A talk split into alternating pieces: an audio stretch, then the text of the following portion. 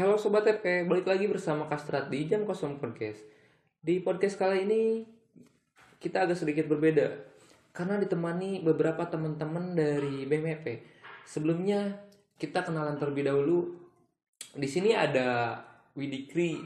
Gimana Halo. nih kabarnya Wi? Ya, halo Ki. Alhamdulillah gua sehat nih secara lahiriah dan batiniah, tapi secara material gua ini agak sedikit melemah gitu. Wah sama gua juga itu. ya sebelumnya eh, ngomong-ngomong sebelumnya gua panggil Widi ataupun Uwa ataupun gimana nih biar lebih enak gitu gitu. Ya, bebaslah kita eh, di sini mah mau panggil Widi, mau panggil Widikri, mau panggil Uwa, Abang dan lain sebagainya terserah kalian lah seenaknya bagaimana. Wah, benar benar benar. Iyalah. Mungkin gua di sini panggil apa ya? Panggil olot aja lah. Karena itu hal, apa-apa, santuy. hal ataupun ucapan-ucapan dari teman-teman yang sudah lumrah gitu. Oke, siap. Biasa Nah, lah. sebelumnya gua mau tanya nih pada lu karena eh, di sini ataupun sebelumnya kita menghadapi kuliahnya itu luring dengan bisa bertatap muka, dengan bisa interaksi dengan dosen ataupun dengan teman-teman. Hmm. Itu kan yang jadi eh, yang sangat menjadi apa ya? Dapat dikatakan tidak terlupakan lah ataupun kesannya itu luar biasa gitu. Ya. Nah, untuk sekarang eh, kita memasuki apa ya eh, perkuliahan daring gitu karena emang adanya COVID-19 kita dituntut untuk dituntut untuk kuliah daring seperti ini. Nah, menurut lu gimana sih eh, kesan kesan ataupun keluh kesahnya terhadap situasi serta keadaan yang sekarang itu gitu? Oke oke siap Ki. Aduh jadi menurut gua nih kayak gini eh, kesan daripada pembelajaran daring atau secara dalam jaringan sangat-sangat membosankan dan tidak efektif dikarenakan apa? Karena kita itu dituntut untuk bisa gitu tanpa ada penjelasan dari dosen gitu kan eh, biasanya gaya daripada penjelasan secara langsung dan secara online itu beda. Mm-mm, jadi mahasiswa itu biasanya kebanyakan lebih bisa menangkap materi atau bisa lebih menelan materi itu secara langsung gitu, secara tetap muka. Nah, sedangkan kita ini secara online dirasa sangat-sangat tidak efektif lah bagi kita sebagai mahasiswa. Seperti itu Ki. Oh iya bener-bener nih. Nah di sini juga ada teman saya nih yang satu lagi yang eh, sangat cantik Yang paling cantik lah Iya ya, di benar. Baru loh di podcast kali ini gue bilang cantik. Alhamdulillah ya ada hikmah gitu di balik podcast kali ini. Nah, di sini ada Rati. Gimana nih Rati kabarnya sekarang? Alhamdulillah baik juga Ki. Tapi eh, kayak dibilang Widi tadi secara fisik mah baik, tapi secara finansial ya you know lah. Wah berarti sama-sama nih. Iya. Eh, sebuah permasalahan eh, Iya. yang benar sama gitu. Hmm, benar. Kuliah daring sekarang lebih enak nggak dari kuliah sebelumnya? Eh, kalau ditanya lebih enak sih yang pasti enggak lah, enggak lebih enak dari kuliah offline ya, tetap muka gitu. Soalnya ya bener tadi dari segi penyampaian materi agak kurang efektif soalnya kalau misal dikasih PPT doang kadang dibaca kadang enggak kan Enggak, iya benar. gitu jadi otomatis eh, yang terserapnya pun ya tergantung pada eh, mahasiswanya sendiri dibaca atau enggak kayak gitu Iya benar sih. Nah dikarenakan juga eh, apa ya menurut eh, Peter Stage dan eh, teori perubahan atau perubahan sosial itu di- dapat dikatakan yang namanya ada eh, yang pertama ada the learning school, eh, yang kedua ada juga the learning classroom, yang ketiga ada the learning community. Yang mana the- learning community di sini adalah mencakup dari eh, dua the learning antara the learning classroom ataupun dengan the learning school. Nah, justru the learning eh, community di sini adalah eh, apa ya lebih luas lah cakupannya baik eh, pengetahuan yang sifatnya akademisi dan non akademisi itu ada di eh, didapatkan lah dan juga teman-teman juga pasti ngerasain gitu di adanya sebuah organisasi ataupun sebuah organisatoris itu perkumpulan dari beberapa orang-orang akademisi dan juga ahli ataupun orang-orangnya tersebut ahli di bidang akademisi ataupun non akademisi maka disatuin dalam sebuah organisasi ya jadi organisasi itu sangat apa ya sangat eh, bervariatif lah gitu. Ataupun sangat luas gitu. Nah maka dari itu eh, adanya kuliah daring sekarang itu bukan jadi hambatan ya. Karena emang kita dididik di organisasi itu bukan sifatnya hanya sebatas akademisi pintar akademisi. Tetapi kita menyadari bahwa eh, ilmu pengetahuan itu tinggi gitu. Ataupun sangat luas gitu dan juga di- eh, dan juga eh, ditambahkan dengan tridharma perguruan tinggi gitu penelitian, pengabdian dan pengembangan. Nah, salah satu peng- eh, penelitian ataupun pengembangan dan pengabdiannya itu bisa diaktualisasikan di eh, organisasi ini gitu. Kurang lebihnya mungkin eh, seperti itu. Nah, untuk selanjutnya eh, kita jarang-jarang ngobrol kayak gini, diskusi gitu banyak temen-temen gitu. Iya, makanya lu kalau bikin podcast ajak-ajak gua lah. Ah, siap, siap, gampang gitu. nih. Biar rame-rame ya. Iya, bener. Eh, jadi eh, kita ngobrol rame-rame kayak gini eh, enaknya lebih lebih enaknya gitu ngobrolin hal apa sih gitu karena saya juga masih bingung lah. Kira-kira enaknya ngobrol apa sih? Eh, dengan kita sebagai akademisi di Fakultas Ekonomi mungkin lebih identik ya dengan hal-hal yang berbau bau material mungkin Iya, benar-benar kita ngobrol-ngobrol yang secara material, secara tekstual tapi Walah, walah. substansinya ngena gitu. Dan ada outputnya juga gitu untuk mahasiswa-mahasiswa khususnya ekonomi tersendiri. Wah, iya sih. Tapi jangan terlalu terpaku di dalam sebuah hal-hal yang ber- berbau material ya. Iya, benar. Karena eh, tidak dapat bisa dipungkiri juga bahwa dalam teori perubahan sosial juga eh, ada yang disebut dengan society culture. Yang mana society culture di sini setiap pandangannya itu berbau eh, berbau mengenai eh, apa ya? eh, material gitu ataupun materialistis lah inti nama setiap setiap segala sesuatu pandangan dipandangnya itu dari segi materialnya gitu. Iya, benar-benar. Nah, yang kedua juga ada identisional kultur. Yang mana identisional kultur di sini adalah kebalikan dari society kultur. Yang mana setiap pandangannya itu tidak tidak ada- selalu eh, menggunakan metode pendekatannya dengan apa ya? Dengan material. Material, gitu. ya. Nah, yang ketiga juga ada eh, apa ya? Idealistis kultur. Yang mana idealistis kultur di sini bisa menggabungkan dari eh, kedua society kultur dan identisional kultur. Eh, jadi eh, apa ya idealistis kultur di sini lebih enak mungkin lah. Jadi bisa memilih dan memilah terhadap enigma seseorang tersebut, enigma yang apa ya, yang orang-orang tersebutnya itu dari perspektif uang, uang, uang, uang terus gitu. Semua tentang uang. Iya benar. Nah, identis eh, apa idealis itu idealistis kultur di sini juga bisa masuk gitu ke ranah situ ataupun bisa mem- eh, apa ya bisa membaca situasi dan serta kondisi gitu terhadap perspektif seseorangnya itu. Nah, jadi lebih enaknya juga kita juga jangan terlalu terpaku ya terhadap eh, eh, apa ya hal-hal yang berbau material gitu iya, memang benar. Mm. Jangan walaupun memang walaupun memang eh, tanpa dipungkiri juga mahasiswa ekonomi ya itu Ya, kan lebih juga. iyalah lebih dekat lah terhadap karena itu gitu tapi gak tahu juga sih itu mungkin dari saya itu Iya, benar. nah untuk itu gua mau nanya nih sekarang kepada teman-teman eh, dari BMEP ataupun salah satu mahasiswa dari Fakultas Ekonomi sebelumnya mau gua mau tanya dikarenakan sekarang itu apa ya keadaannya masih daring dan juga sangat dapat dikatakan sangat berbeda lah dari perkuliahan sebelumnya. Dan tidak dapat bisa dipungkiri juga faktor kita masuk nih karena eh, faktor eh, ekonomisnya biar ekonomis banget gitu. Gimana sih cara temen-temen eh, mengelola uang eh, dari keadaan covid ataupun keadaan kuliah daring sekarang gitu? Karena kan tidak dapat bisa dipungkiri juga bahwa sebelumnya sebelum kuliah daring dan sesudah daring seperti sekarang itu eh, apa ya sangat berbeda gitu dari mulai kita jauh-jauh ataupun akomodasinya itu pasti berbeda gitu ta. Iya, pasti. Nah, gimana sih cara mengelola keuangan teman-teman dari eh, mahasiswa Fakultas Ekonomi gitu?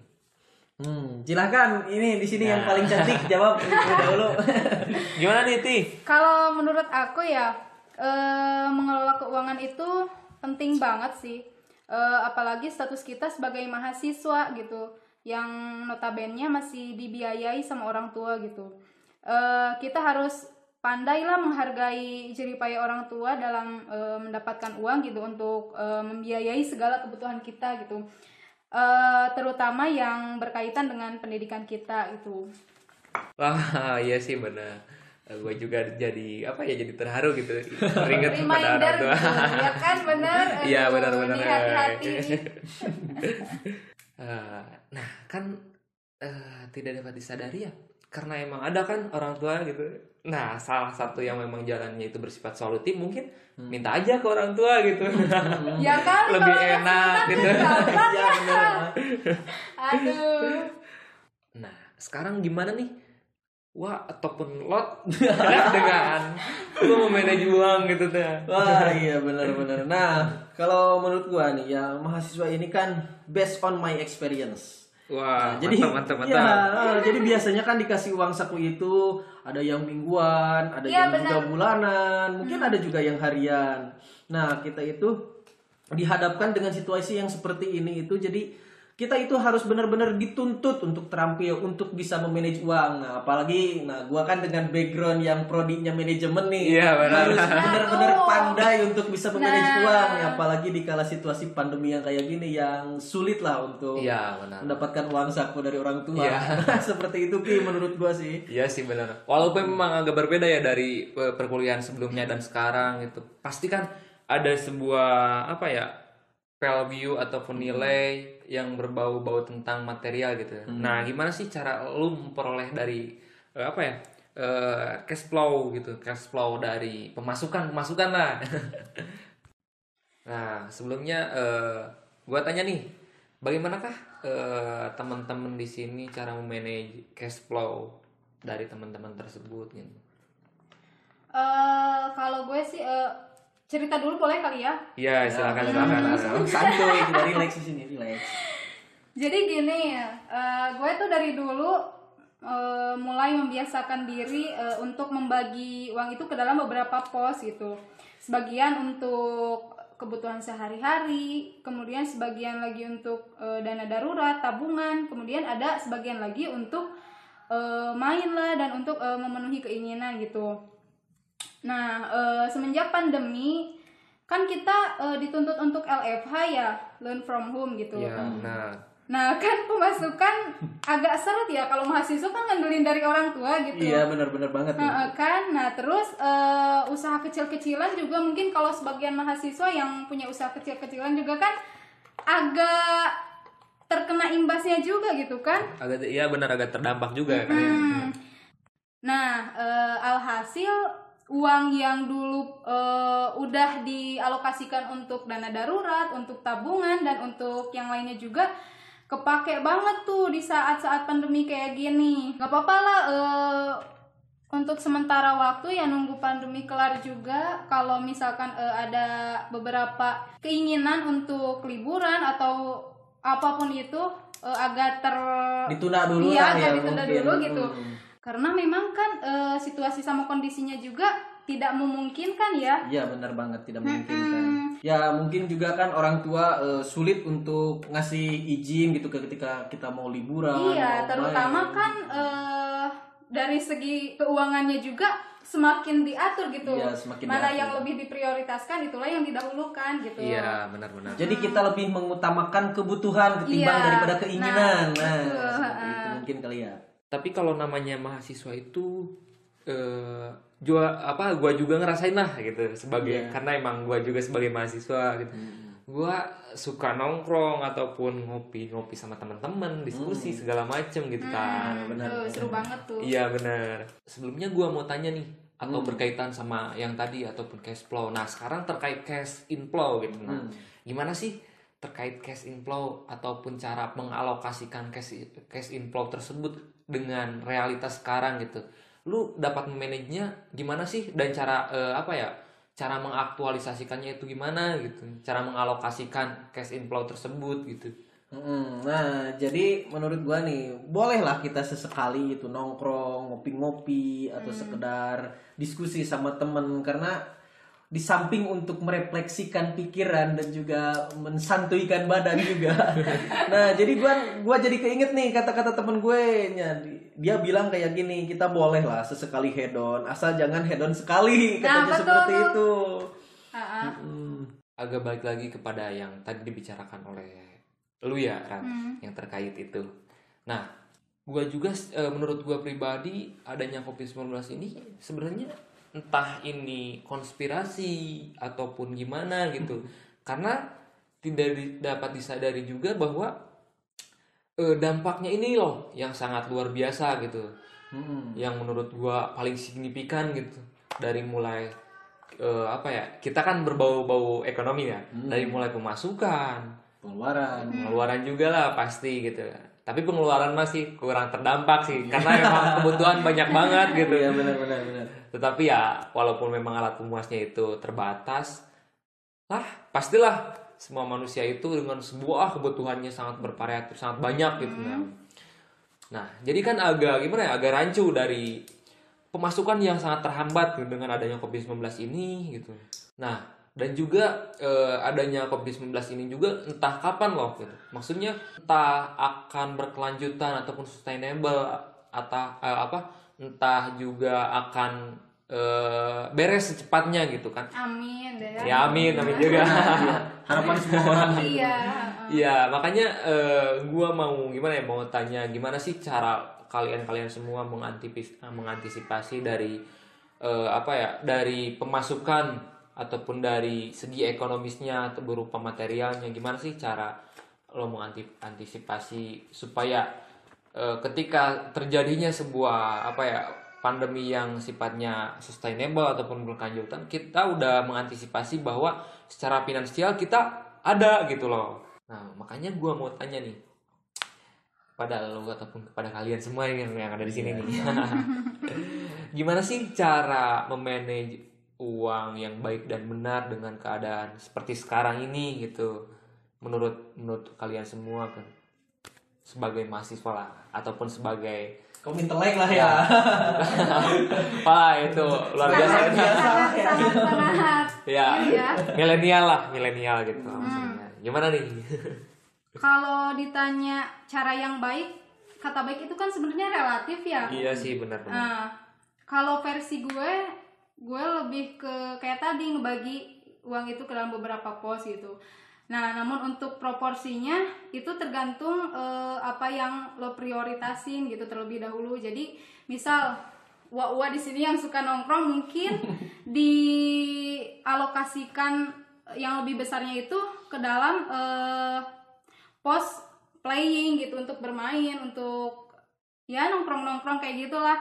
Nah, namun eh, yang na- yang namanya memanage kan tujuannya itu untuk mengefektif dan mengefisienkan ya. Iya. Nah, jadi eh, diharapkan bisa sebijaksana mungkin gitu. Kayak nih kalau menurut eh, ilmu yang gue dapat saat webinar dulu yang bicaranya ini eh, seorang financial planner gitu. Jadi Gimana nih, gimana? eh, alokasi budget yang simple itu bisa eh, dibagi ke dalam tiga Bagian pos lah, mungkin ya, eh, tiga tiga pos. tiga bagian gitu.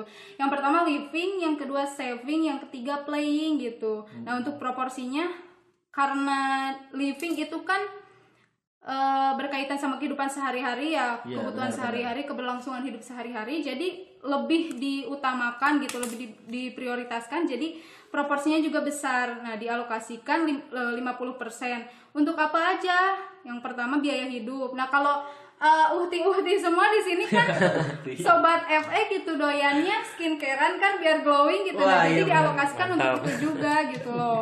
Nah, yang kedua saving 30% meliputi eh, investasi untuk dana darurat, untuk tabungan eh, untuk liburan kayak gitu. Nah, yang ketiga playing yang tadi dibilang iki wah gitu kan senengnya nongkrong gitu Iya, ngopi bener. beli baju hangout sama teman-teman yang kayak gitu itu dialokasikannya 20% gitu. Jadi kalau eh, masalah proporsi mah ya tergantung kebijakan masing-masing gitu. Kalau lu semua lebih mentingin gaya hidup kayak nongkrong-nongkrong boleh lah dibalik gitu. Jadi 50% untuk kehidupan sehari-hari untuk makan Iya, untuk apa 20% tapi ya resikonya ya kelihatan lah ya kan Nah, Segalanya gitu. mungkin ada konsekuensinya iya, ya. segala sesuatu eh, ada konsekuensinya gitu. Iya sih benar gitu. Karena memang gimana ya? Walaupun memang tadi yang di- da- apa yang dikatakan oleh eh, lu tadi ya terkait whipping, saving dan apa sih? Yang satu lagi itu kan? Playing ya. Nah, yang playing gitu playing. nah. nah, tanpa disadari juga kan eh, kita harus bisa memanagenya itu jadi seolah-olah kebutuhan dilatar belakangi dengan gaya hidup ataupun apa. Kan itu adalah sebuah hal yang memang rancu gitu karena tanpa disadari juga itu akan gimana ya? Akan tidak efektif juga gitu terhadap sebuah memanage uang tersebut gitu. Hmm. dengan kita nih kebutuhan pokok misalkan contoh kebutuhan pokok dari segi mahasiswa ya. Pasti kan beli buku beli Iya. alat-alat sega- eh, ATK dan lain dan lain sebagainya, sebagainya gitu ya. loh nah makanya tadi yang eh, dikatakan oleh lu juga benar banget gitu karena memang jangan dilatar belakangi hal eh, apa ya kebutuhan pokok dari segitunya gitu terhadap sebuah gaya tersebut. Jadi lebih mengedepankan gaya. Janganlah jangan seperti itu. Yang ta- yang tadi dikatakan oleh lu bener banget gitu. Karena juga eh, gua- apa gua juga ngerasain banget gitu karena karena eh, hal itu gitu nah sekarang gua mau bertanya nih kepada lu lot Nah, oke oke, gimana gimana Ki? Nah kan tadi udah dijelaskan eh, oleh Rati. Nah untuk sekarang gua mau tanya, nah gimana sih cara lo membagi living, saving, eh, flying? Nah untuk living apakah lu apa ya livingnya itu dua persen gitu? Gue jadi kaum introvert tuh ya. Tetapi dengan playingnya itu Hedon dapat ya, dikatakan Om Hedon. 90% lah gitu. Wow. Nah, kalau bagi gua sih ya, gua lebih bisa memanajenya ke mungkin bagi living eh, itu mungkin hanya lah 20% lah ya dari misalkan dari total semua eh, uang yang gua miliki yang alokasikannya untuk living mungkin ada 30% untuk playingnya mungkin agak dikurangi jadi 20% nah mungkin untuk yang saving savingnya itu gua jadi di 50% kan karena? Wow. Karena bagaimanapun nanti ketika gua itu ada kebutuhan yang mendadak ada emergency nah gua bisa mengalokasikan dana yang dari saving itu untuk kebutuhan gua sendiri ki Iya sih benar. nah, seperti Nah, lalu itu eh, gimana sih disimpannya di mana sih savingnya itu gitu? Maksudnya eh, uangnya tersebut apakah di apa ya disimpan di lu pribadi ataupun dialokasikan ataupun diinvestasikan di gimana gimana gitu? Nah, kalau mungkin sih gua itu eh, untuk savingnya mengikuti beberapa arisan, arisan, arisan. Nah, iya. Itu karena kalau gua misalkan memegang duitnya itu secara langsung di pribadi gua nih, gua itu selalu gatal gitu, pengen banget untuk membelikan, untuk jajan, untuk sekedar main nongkrong dan Iya sih benar. Iya benar. Pantesan gua juga sebelumnya suka lihat lu kenapa sih si Olot selalu apa ya? selalu bergaul dengan ibu-ibu, ibu arisan gitu. Nah, itu benar. Oh, gua tahu sekarang nih bahwa lu itu ikuti arisan ya sama dengan lu ikuti ibu-ibu tersebut. Sekalian cerita. Siap, mantap memang beda itu. Nah, untuk eh, selanjutnya kan kalau misalkan ke depannya pandemi ini kan eh, tidak dapat bisa diprediksi di- apa diprediksi ya oleh Sampai kapan lah ya? Iya, sampai kapannya itu. Gua mau tanya nih. Hmm. Nah, kira-kira apa yang atau udah mulai dilakukan untuk mengantisipasi dengan pandemi ini gitu? Yang lu yang lu lakuin sekarang itu apa gitu untuk mengantisipasi hal ini gitu? Nah, benar-benar siap siap. Nah, jadi kan untuk hal itu, nah gue ini di sini udah mulai nerusin gitu dari usaha kecil-kecilan gue lah yang di bidang fashion gitu. Yang Wow, mana mantap. yang mana dulu itu sempat berhenti. Nah, sekarang itu gue lanjutin lagi dan rencananya gue itu mau menambah dari beberapa jenis mungkin yang dulu itu hanya baju, sepatu. Nah, mungkin nanti akan ditambah dengan jenis sweater. ya, benar. Uh, uh, dan lain-lain lah mungkin untuk kebutuhan-kebutuhan sehari-hari seperti fashion fashionable lah biar kita Wow. sebagai mahasiswa Wow. itu mm, jadi fashionable gayanya itu tidak ah, tidak memalukan banget lah untuk sekedar ngapel nongkrong dan lain Nah, ini berbicara tentang pekerjaan yang tadi dikatakan oleh lu gitu. Nah, gua mau nanya lagi, gimana sih cara memperlancar dari cash flow tersebut? Apakah dengan menambah modal dengan beberapa modal apa nominalnya berapa gitu ditambahkan lagi gitu. Apakah dengan kita apa ya eh, lebih lebih mengembangkan sebuah pekerjaannya itu dengan cara non modal gitu ataupun bagaimana gitu. Nah, ya itu mah tergantung jenis usahanya sih. Ya menurut gua itu mah jadi usahanya apa dulu gitu buat memperlancar cash flow-nya seperti itu. Ya kan tanpa disadari juga sekarang itu kan pasti terdampak ya dengan salah satu Covid-19 ini dengan Iya. usaha lu tadi gitu. Pasti kan apa ya? Pasti terdampak lah intinya. Iya. Nah, gua tanya yang tanya eh, yang gua tanyain itu gimana sih cara memperlancarkan daripada Hmm. pekerjaan lu tadi gitu dengan adanya Covid-19 ini. Nah, mungkin gua itu eh, lebih ya mempertajam strategi, strategi marketingnya dengan mengepost-ngeposkan gitu eh, produk-produk atau jenis-jenis daripada fashion contohnya baju, celana, sepatu ke berbagai marketplace atau ke online seperti Facebook, ada Instagram, Ya, dan lain mantap nih, sebagainya. mantap. Mungkin nah, pakai jadi- jasa endorse nggak Iya, mungkin bisa jadi itu pakai jasa-jasa endorse lah ya. Nah, ini Biar salah satu Nah, ini mengetahui. jadi salah satu mahasiswa yang sangat benar-benar berinovasi gitu. Nah, iya. dengan adanya Covid-19, dengan ditambah lagi era disrupsi sekarang yang berbasis Hmm. digital. Nah, justru mahasiswa-mahasiswa ataupun rekan-rekan di sini juga harus bisa mem- memanfaatkan dari segi teknologi. iya teknologi, teknologi itu. Harus bisa berinovasi lah. Yang tadi dikatakan oleh lu gitu, salah satu contohnya gitu. Saya gue sangat mengapresiasi sekali gitu. Lebih memanfaatkan sosial media sih. Iya, ini yang dikatakan eh, apa ya entrepreneur muda Wah. sekali Wow. gitu. Alhamdulillah amin amin. amin Nah, jadi buat mahasiswa-mahasiswa Fakultas Ekonomi dan mahasiswa-mahasiswa Uniga yang memang harus digarisbawahi gitu dari narasi-narasi yang dilontarkan oleh teman-teman di sini gitu, terkait eh, bagaimanakah cara pengelolaan eh, ataupun cara memanage dari peruangan mahasiswa itu seperti apa dan cara eh, cash inflow-nya itu seperti apa untuk mempertahankan gitu daripada dengan keadaan COVID-19 ini gitu. Untuk eh, diskusi kali ini ataupun eh, ngobrol-ngobrol santai kali ini mungkin cukup eh, sampai di sini aja ya. Aduh, Nah, padahal gue masih kangen nih. Nah, bisa dilanjut di pertemuan selanjutnya Oke, gitu. karena ini kan sustainable gitu ya benar-benar. Eh, gua sangat terima kasih banget gitu pada pada lu Lot Iya, pada lu sama-sama, terima kasih banget gitu gua Ricky Agus Saputra dan teman-teman gua izin undur diri. Eh, sampai jumpa di pertemuan selanjutnya. Bye. bye